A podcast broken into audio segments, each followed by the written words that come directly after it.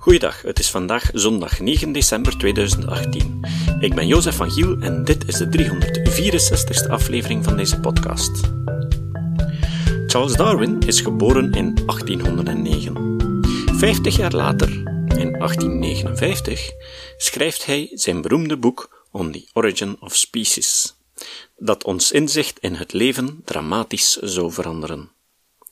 Nog eens 150 jaar later, in 2009 publiceert Johan Braakman in het kader van de viering van deze 150ste en 200ste verjaardag het boek Darwins Moordbekentenis. En net geen tien jaar later hebben we dit boek ingesproken als luisterboek. Enkele jaren terug heeft uitgeverij Nieuwezijds de copyrights van dit boek teruggegeven aan de auteur en die besliste om het boek gratis op het internet voor iedereen ter beschikking te stellen. Toen heb ik contact opgenomen met Johan Braakman en hem gevraagd of ik het boek mocht inspreken als luisterboek. Twee jaar later is het boek volledig ingesproken en gratis te downloaden op het internet. De link naar de pagina kan je vinden in de notities van deze aflevering. Naar aanleiding van de publicatie van dit luisterboek heb ik Johan Braakman geïnterviewd en dat interview krijgen jullie vandaag en volgende keer te horen. Ik heb het interview opgenomen met mijn nieuwe recorder en met behulp van een Sennheiser MD441 studiomicrofoon die ik van mijn vader erfde. Ik denk dat dit de klank ten goede gekomen is. Maar toch is er iets fout gelopen. De microfoon die naar mij gericht was, is ontkoppeld geraakt en heeft niets opgenomen. Ik heb mijn stem dus uit de reserveopname moeten knippen die ik deed via ruimtemicrofoons. Hierdoor hoor je soms wat ruis en galm op mijn stem. Maar zo erg is dat niet. Want het was vooral Johan Braakman die sprak. Hier is het interview. Hoe ben je eigenlijk geïnteresseerd geraakt in Charles Darwin als filosoof? Um, ja, dat is een vraag waar ik waarschijnlijk niet helemaal correct meer kan op antwoorden, omdat het al lang geleden is. Hoewel ik mij wel herinner dat ik toch uh, in de middelbare school geboeid ben geraakt door lessen van een leerkracht uh, biologie over evolutietheorie. Maar ik moet er daarvoor natuurlijk ook al over gehoord hebben, hè, want ik was toen 17 of zo. Waarschijnlijk kende ik dat wel al uit mijn kindertijd uh, op een of andere manier. Dat zijn zo van die dingen die in de lucht hangen en je pikt dat wel op zo. Hè. Uh, zonder er het fijne van te kennen natuurlijk. Hè. Dus het is niet zo dat ik daar toen al boeken over las of zo. Dat deed ik niet. Maar ik was wel als kind al, dus echt als kleine jongen van vijf, zes jaar zo, hè, uh, heel erg geïnteresseerd in, in de natuur. Dus uh, vogels en kevers en, en salamanders enzovoort. Dus ik ben opgegroeid op de buiten en ik, ik, uh, ja, ik hield ervan om in beken visjes te vangen, stekelbaarsjes. Toen zag je die nog en kikkers. En ik, ik kende redelijk veel van vogels. Hè. Ik was zo, ja, zo'n typisch kind dat als kind reeds zo met de natuur en dieren en vogeltjes enzovoort bezig was. Mijn vader was een boomkweker ook, uh, dat, dat speelde misschien ook een rol. Hè. Ik, ik, was veel op het land mee en zo. Dus ik had wel een interesse voor de natuur, maar natuurlijk niet op wetenschappelijke wijze of zo. Niet, niet strikt, hoewel ik er wel van hield om, om de namen te leren kennen van die dieren en, en, en vooral vogels en zo. Um, en ik was van kinds af aan ook uh, ingeschreven in de bibliotheek. En ik weet nog dat ik graag boeken las, zo, zo jongens- en wetenschapachtige dingen, zo uh, over de natuur en vogelboeken enzovoort. Maar mijn interesse voor, specifiek dan voor de figuur van Darwin en evolutietheorie, ik kan dat niet zo goed meer zeggen. Maar ik herinner mij dus wel nog, uh, dat die lessen biologie mij dan toch aanspraken toen het daarover ging. Maar het is dan toch pas vooral uh, aan de universiteit dat ik daar echt in geïnteresseerd ben geraakt. Um, dus ik studeerde filosofie. En uh, ja, dan kom je niet zo meteen in aanraking met evolutietheorie, zou je misschien denken. Maar aan de andere kant natuurlijk, je vangt dat hier en daar wel op, omdat de evolutietheorie natuurlijk over de mens gaat en over de betekenis van het leven en zingeving en vragen in zekere zin toch ook beantwoord, zoals ja, waar komen wij vandaan en waar gaan we naartoe enzovoort. Dus zo filosofische kwesties ontsnappen niet aan, aan Darwin. Zijn arm reikt ver, zoals ik dat graag zeg. Dus uh, ik ben in de loop van mijn studie filosofie daar dan toch meer en meer bij betrokken geraakt.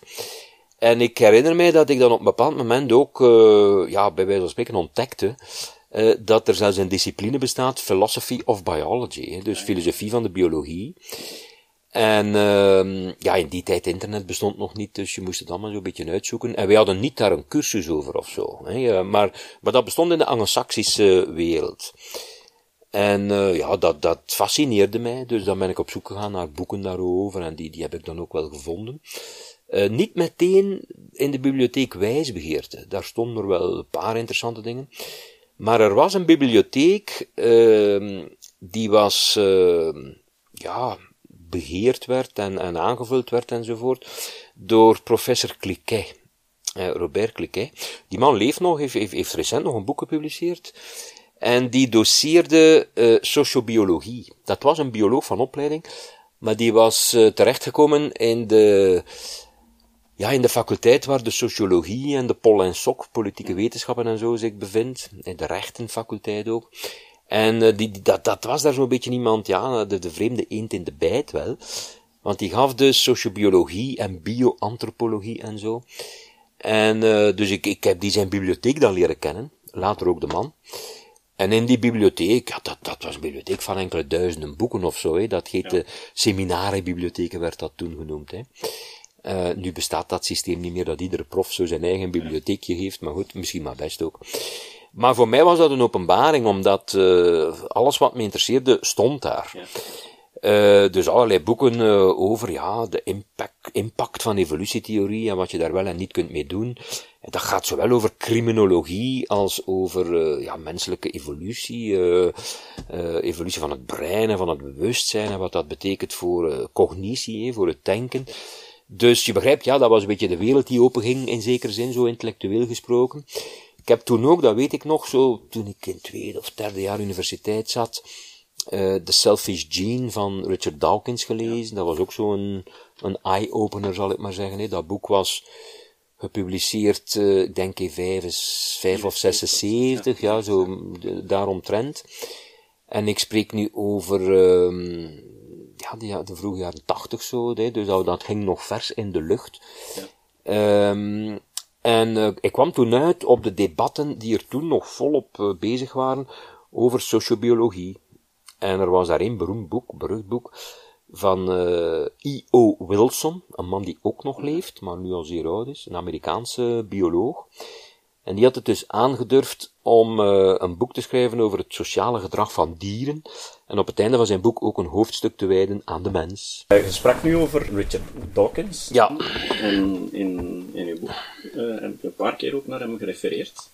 Onder andere de Selfish Genes, nog een, ander, een aantal andere zaken dat hij schrijft. En nu een andere filosoof, Massimo Pigliucci, die heeft het nieuw oog op met de filosofische capaciteiten van Richard Dawkins. Wat is uw uh, mening daarover? Goh, ja, ik, ik denk dat Pigliucci, die ik ken, daar nogal streng is. Nogal hard in zijn oordeel en misschien wel kort door de bocht is. Kijk, je moet ook weten natuurlijk, Dawkins schreef dat boek toen hij zelf een dertiger was, vrij jong was natuurlijk niet uh, ingelezen was in filosofie, dat is ook normaal, want hij was bioloog. Maar hij had wel een goed punt te pakken, denk ik, met name dat de evolutionaire benadering toch een aantal filosofische kwesties misschien niet oplost, maar dan toch er op zijn minst zeer relevant voor is. Dat is denk ik de grote verdienste. Dat is ondertussen ook een boek van uh, 40 jaar oud of zo. Dus ja, je, je moet dat een beetje in het context van toen zien. Ook als je ziet wat daar allemaal is uit voortgevloeid. Dus dat is enorm uh, invloedrijk geweest. Plus, Dawkins heeft dan ook wel in, in latere boeken, uh, die Extended Phenotype bijvoorbeeld, herinner ik mij, tot zijn boek over religie, The God Illusion en zo, uh, zich toch op een vrij serieuze manier ingewijd in, in diverse filosofische disputen dat hij niet vaktechnisch beslagen is geraakt in, ja, wat dus philosophy of biology is. God, ja, ik neem hem dat niet kwalijk. Het is, uh, heeft ook die pretentie niet, maar er zijn allerlei debatten binnen filosofie van de biologie over aspecten van de evolutietheorie, waar filosofen zich dus graag mee bezighouden, en waar Dawkins dus toch belangrijke bijdragen heeft geleverd, en die voortkomen uit zijn boek The Selfish Gene. Ik denk bijvoorbeeld aan debatten over de vraag, ja, hoe werkt precies natuurlijke selectie? Wat is het niveau waarop selectie inwerkt? Is dat op het organisme? Is dat op de soort? Of lager, enkel op genen? Wat is precies een adaptatie? Een aanpassing dus. Wat is een functie? Zo al dat soort zaken, dat is niet zo simpel.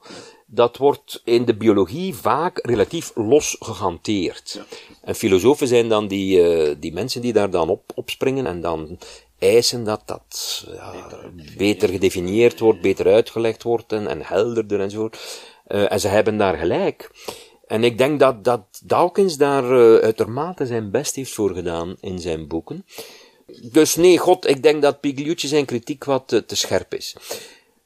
Het is natuurlijk wel zo, er zijn fundamentele discussies over, uh, over de vraag of Dawkins gelijk heeft. Ja.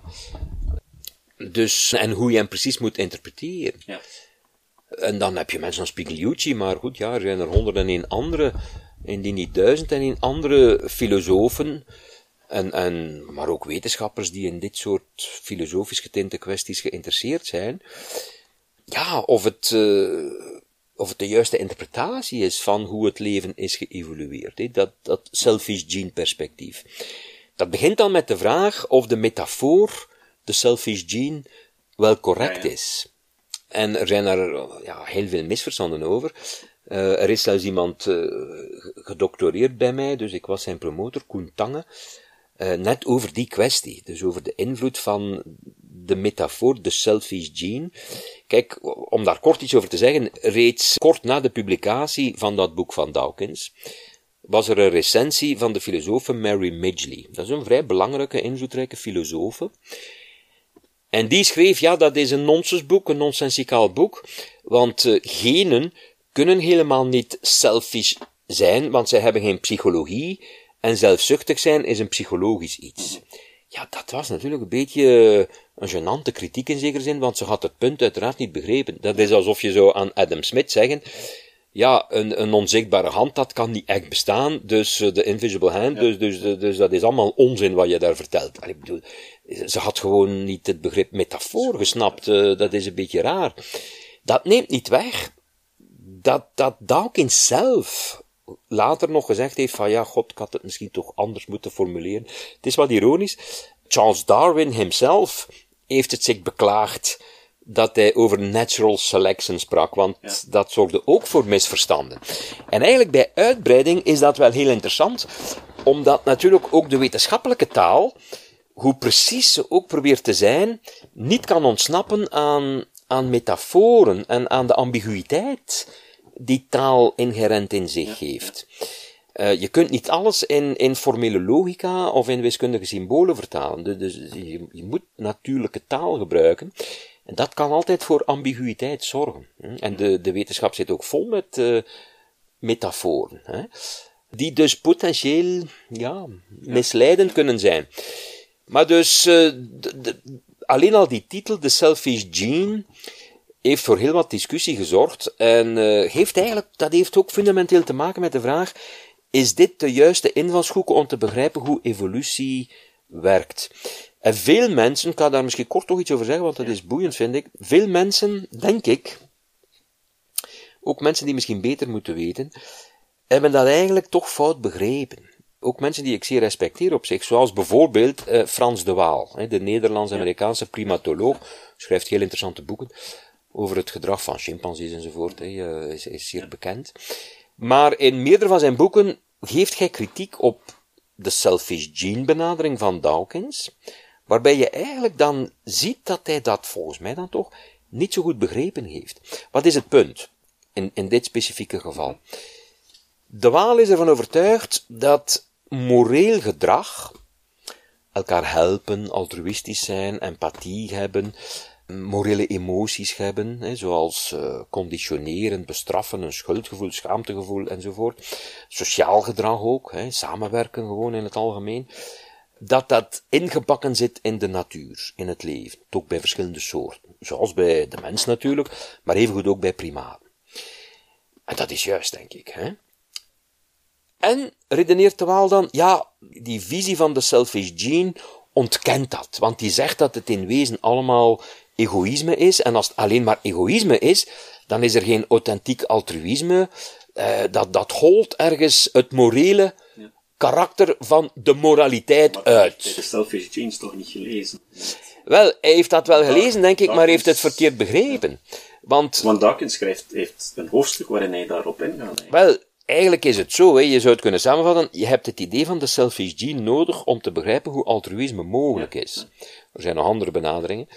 Maar Dawkins zegt helemaal niet dat alle morele gedrag of al, alle vormen van altruïstisch gedrag in wezen egoïstisch zijn.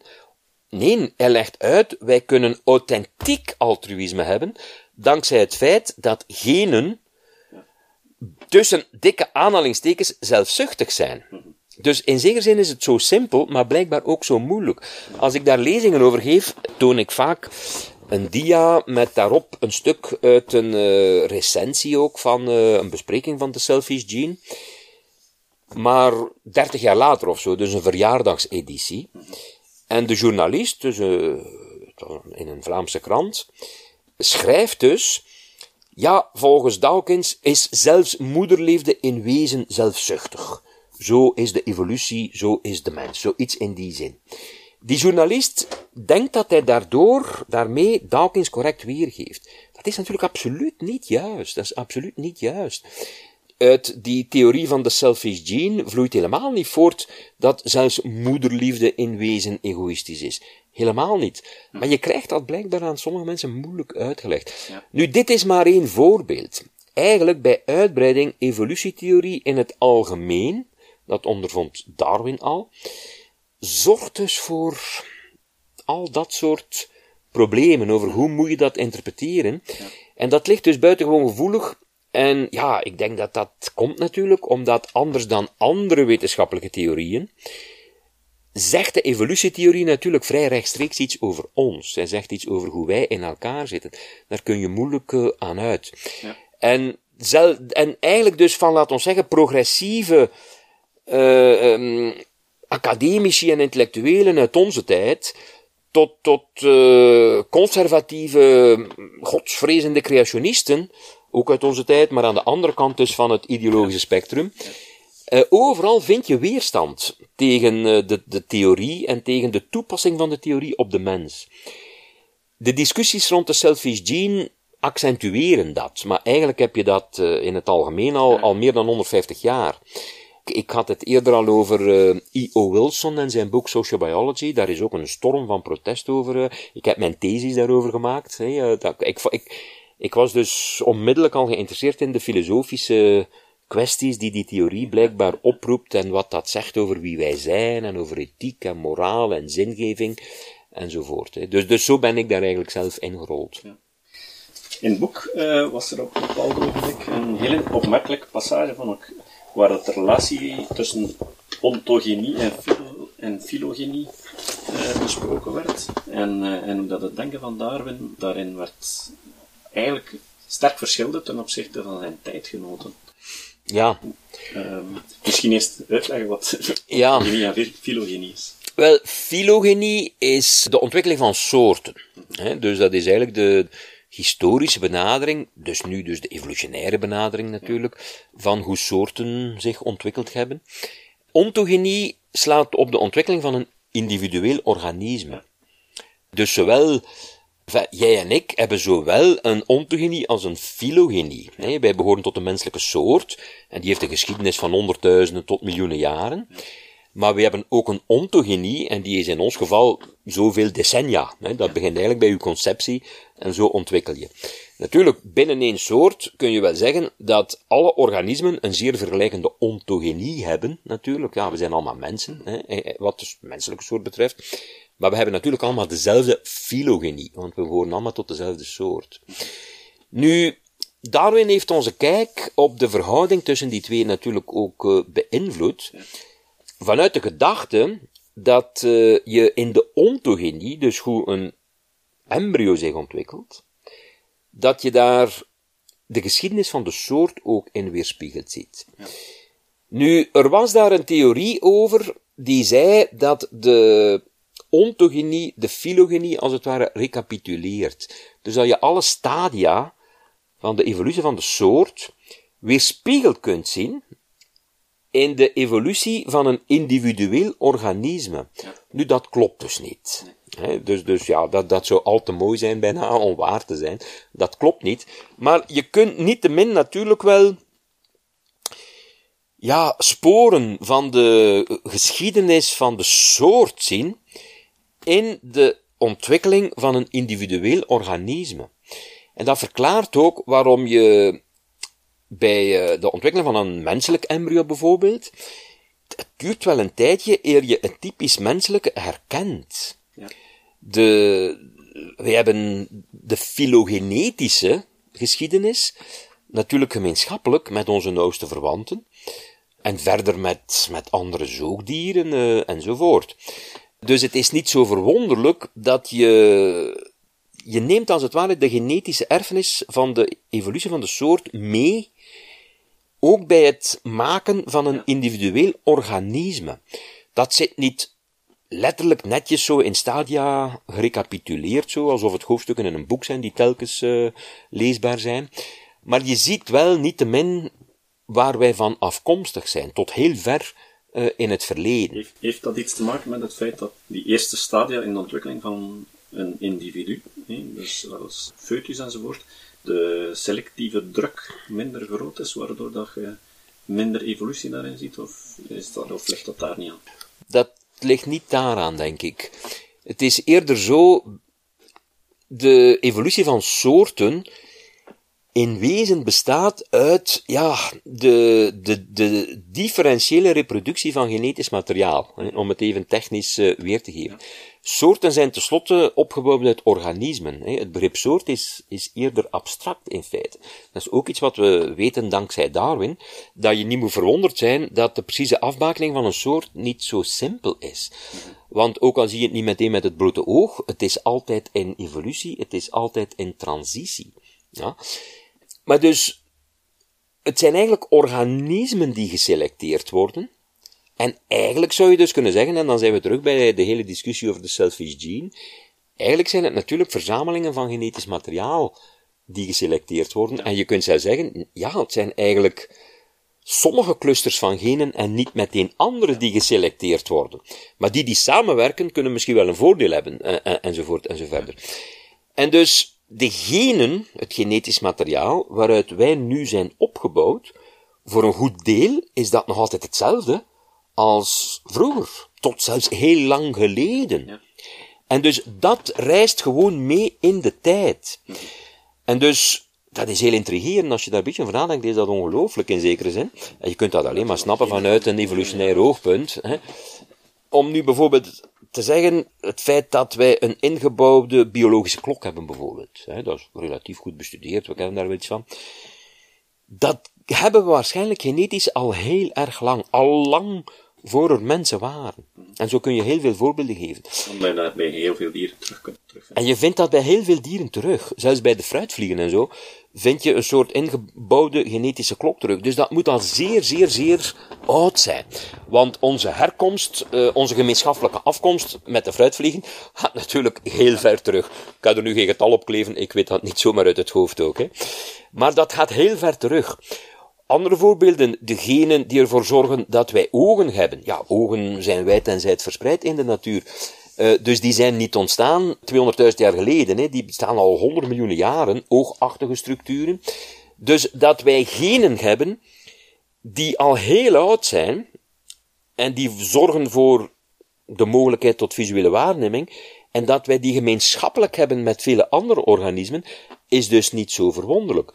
Andere uh, genen zijn dan weer ongetwijfeld heel recent, of relatief recent. Bijvoorbeeld, uh, je, je, weet dat sommige menselijke populaties hebben het gen om melk te verteren, of, of uh, lactose, hè, via lactase. Europese. Ja, uh, daar zit, dat is iets heel recent. Dat heeft te maken met het ontstaan van landbouw en veeteelt, en dat is een aanpassing daaraan die geselecteerd is. Maar dat vind je dan weer niet bij vele andere dieren, omdat dat een, dat is een typische menselijke adaptatie en het feit dat wij koeien gedomesticeerd hebben. Dus je snapt dat je vanuit dat perspectief die ontogenie kunt zien. Hè? Je ziet dat daarin weerspiegelt.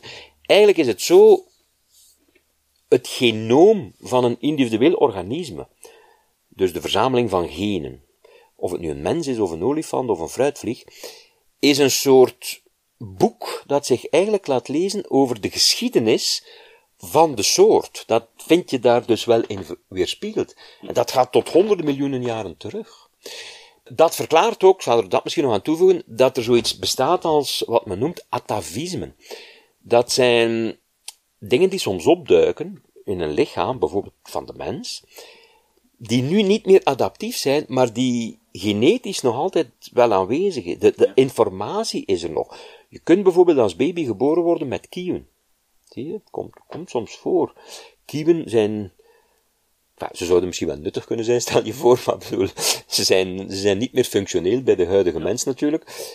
Het dateert van lang voor er mensen waren, dat, dat kieven uh, in onze verre, verre voorouders uh, nog ergens functioneel waren. Maar de informatie om kieven te maken, zit genetisch nog altijd in ons. In onze cellen ingebakken, als het ware. Eigenlijk dat walvissen ook nog altijd informatie hebben om poten te produceren. Ja, dat zijn rudimentaire organen, heet dat dan. En dat duikt dus bij alle soorten op. Hè. Dus dat uh, verklaart... Je kunt dat alleen maar begrijpen, je kunt dat alleen maar verklaren vanuit het inzicht dat wij de informatie meedragen van heel lang geleden, nog voor er sprake was van de menselijke soort op zich. Ja. Maar die informatie zit er nog, en soms komt dat, ja, per ongeluk dan, uh, nog tot expressie. Mhm. Er zijn veel mensen die denken dat evolutie een proces is van steeds maar beter naar een hoger niveau te gaan, complexere, hogere organismen enzovoort. Maar volgens Darwin en met hem ook moderne evolutiebiologen klopt dat eigenlijk niet, hè? Dat, nee. Die theorie. Ja, eh, dat... Is de mens eigenlijk het einddoel van de evolutie? Wel, nee. Om op uw laatste punt eh, meteen in te gaan, evolutie kent geen einddoel. Hè? Evolutie kent sowieso geen doelen. um, het, het, het, streeft nergens naar.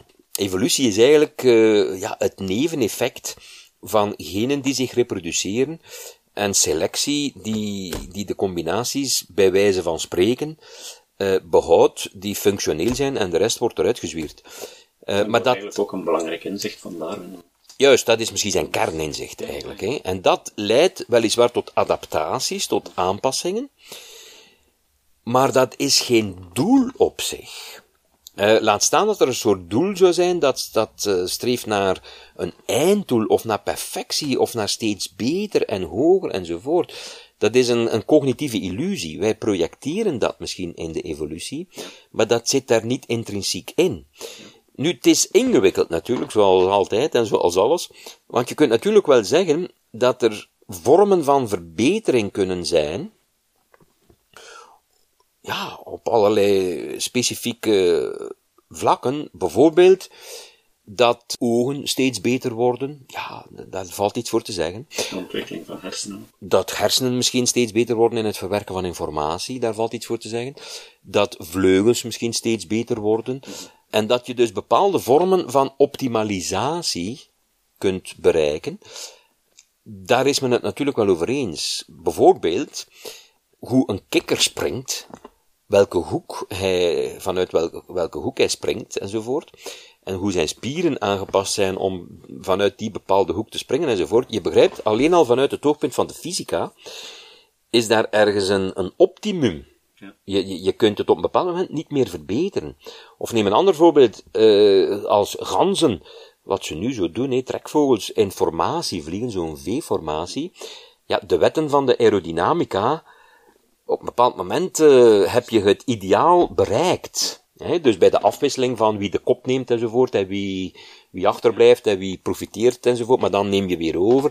Dus zowel in de samenwerking tussen die ganzen, als in de, de formatie die ze creëren en in, in hoe ze dan zo zuinig mogelijk, met zo weinig mogelijk energie, zo snel mogelijk vliegen, tegen de luchtweerstand en de wind in enzovoort. Je snapt, je kunt dat eigenlijk in windtunnels, zou je dat kunnen ja. berekenen, wat de optim, optimalisatie is, wat, wat de, de perfectie is.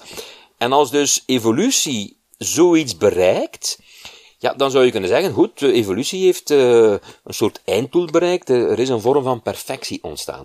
Dus dat kun je wel zeggen. Maar er is geen inherent streefdoel in evolutie naar zoiets. Dat, dat is een spontaan neveneffect. En ik moet er nu natuurlijk nog aan toevoegen, en dat is cruciaal, om evolutie goed te snappen.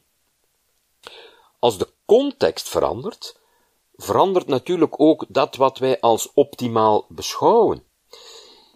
Kijk, de, de context van de luchtweerstand zal niet zo snel veranderen natuurlijk, dat is, een, een fysisch gegeven.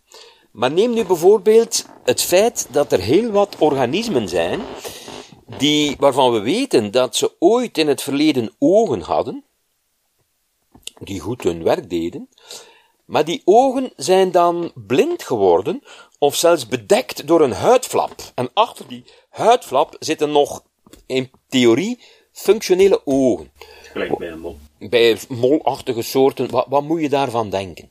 Wel, het punt is, ooit konden de voorouders van die dieren uh, zien, zoals ja, de meeste zoogdieren op een normale manier kunnen zien. Maar het is blijkbaar voor een aantal van die organismen ooit van die soort adaptief geweest om ondergronds te gaan leven of om in grotten te gaan leven enzovoort. Dat moet een voordeel gehad hebben, bijvoorbeeld minder kwetsbaarheid voor predatoren. Uh, in het geval van mollen die ondergronds gaan, lijkt mij dat logisch. Als er predatoren zijn die jou kunnen vangen, maar je leeft onder de grond en ze kunnen jou daar niet volgen, maar goed, ja, dan is het veiliger om onder de grond te gaan leven.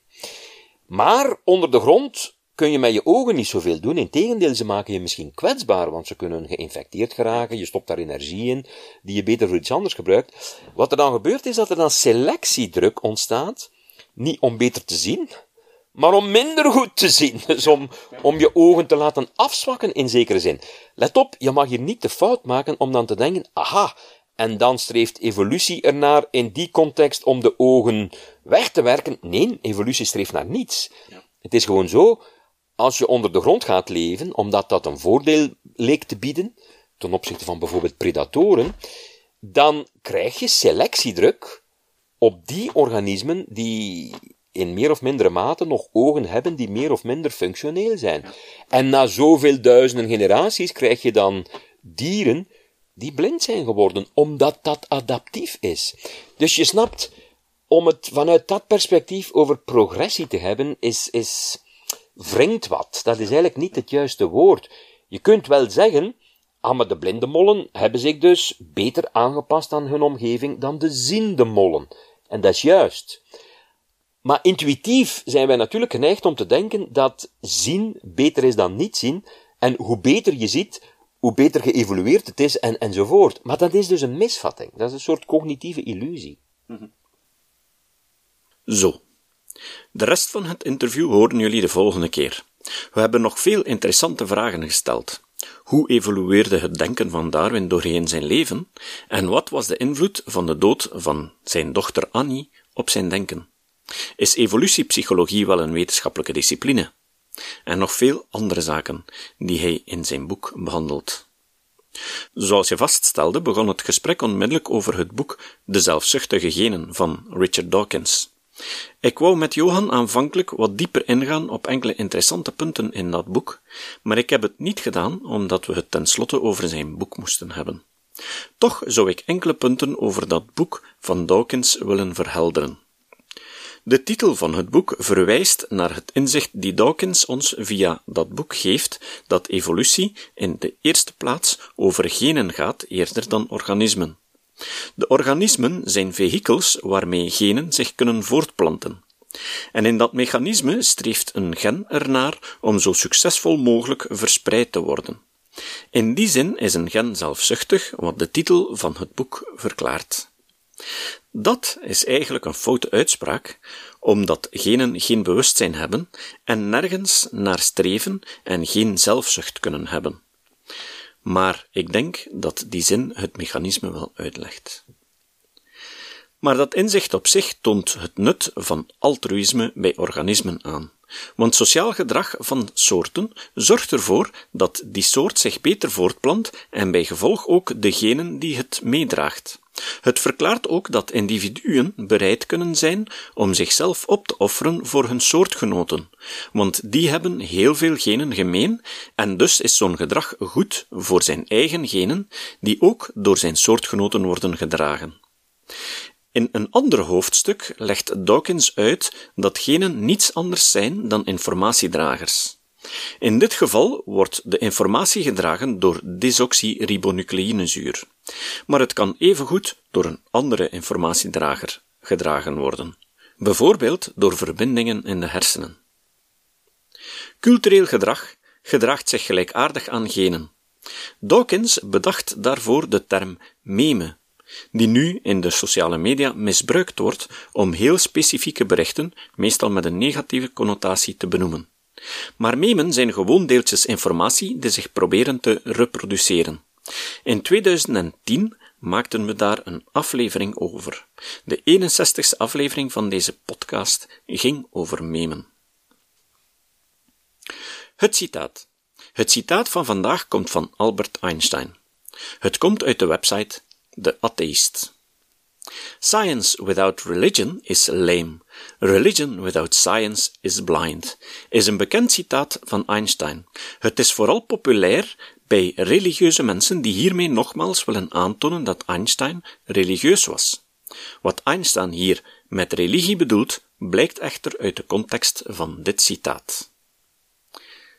Einstein zei: in plaats van te vragen wat religie is, geef ik er de voorkeur aan te vragen wat het streven kenmerkt van iemand die bij mij de indruk wekt religieus te zijn. Iemand die religieus verlicht is, komt op mij over als een mens die zich naar beste vermogens heeft bevrijd van de ketenen van zijn zelfzuchtige verlangens en die in beslag genomen wordt door gedachten, gevoelens en neigingen waaraan hij zich vastklampt vanwege hun hechte, boven het persoonlijke uitstijgende waarde.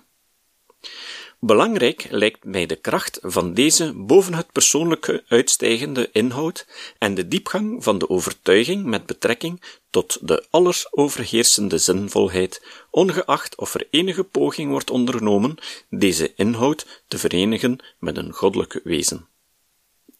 Tot de volgende keer.